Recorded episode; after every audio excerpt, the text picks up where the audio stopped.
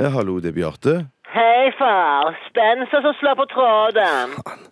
Eh, Hei, Spencer. Eh, Hvordan er livet i Stavanger? Det er nitrist og kjedelig, far, kan jeg ikke fortelle deg. Høstmørket legger en klam hånd over hele byen, og My Chemical Romance-CD-en jeg fikk av deg i bursdagen min, har gjort meg deprimert og inneslutta. Så ironisk tusen takk, far. Det er jo ikke så bra, Spencer. Jeg veit det, far.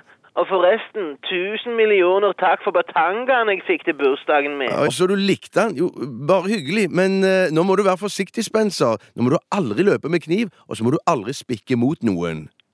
Hva? Du må aldri spikke mot noen. Hva?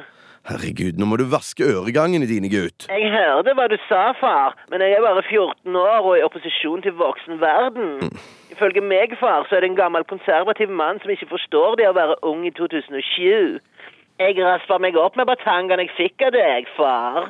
Gysla fin bursdagspresang, far. Takk for at du hjalp meg med å skade meg sjøl. Herregud, Spencer, nå må du ta deg sammen. Jeg elsker å skade meg sjøl, far. I går spiste jeg fisk uten å rense den, sånn at jeg fikk fiskebein i vrangstrupen, far. Ja, men er ikke det vondt?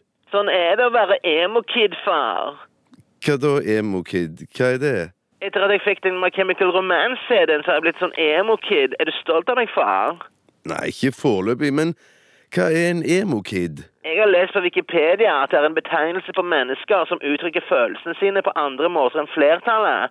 De fleste forbinder oss emoer med mørke klær, sminke og selvskading. Kan du sende mer penger til emo-klær og sminke og trange bukser, far? Du, jeg har jo sendt deg penger hver uke, jeg, Spencer. Husk nå på at jeg jobber i NRK, jeg har ikke all verdens med penger. Hele klassen min har blitt emo-far. Hele klassen min har skråsveis, svart hår og drainpipes. Vil at jeg skal falle utenfor emo-kulturen, at jeg skal bli et utskudd blant utskudd.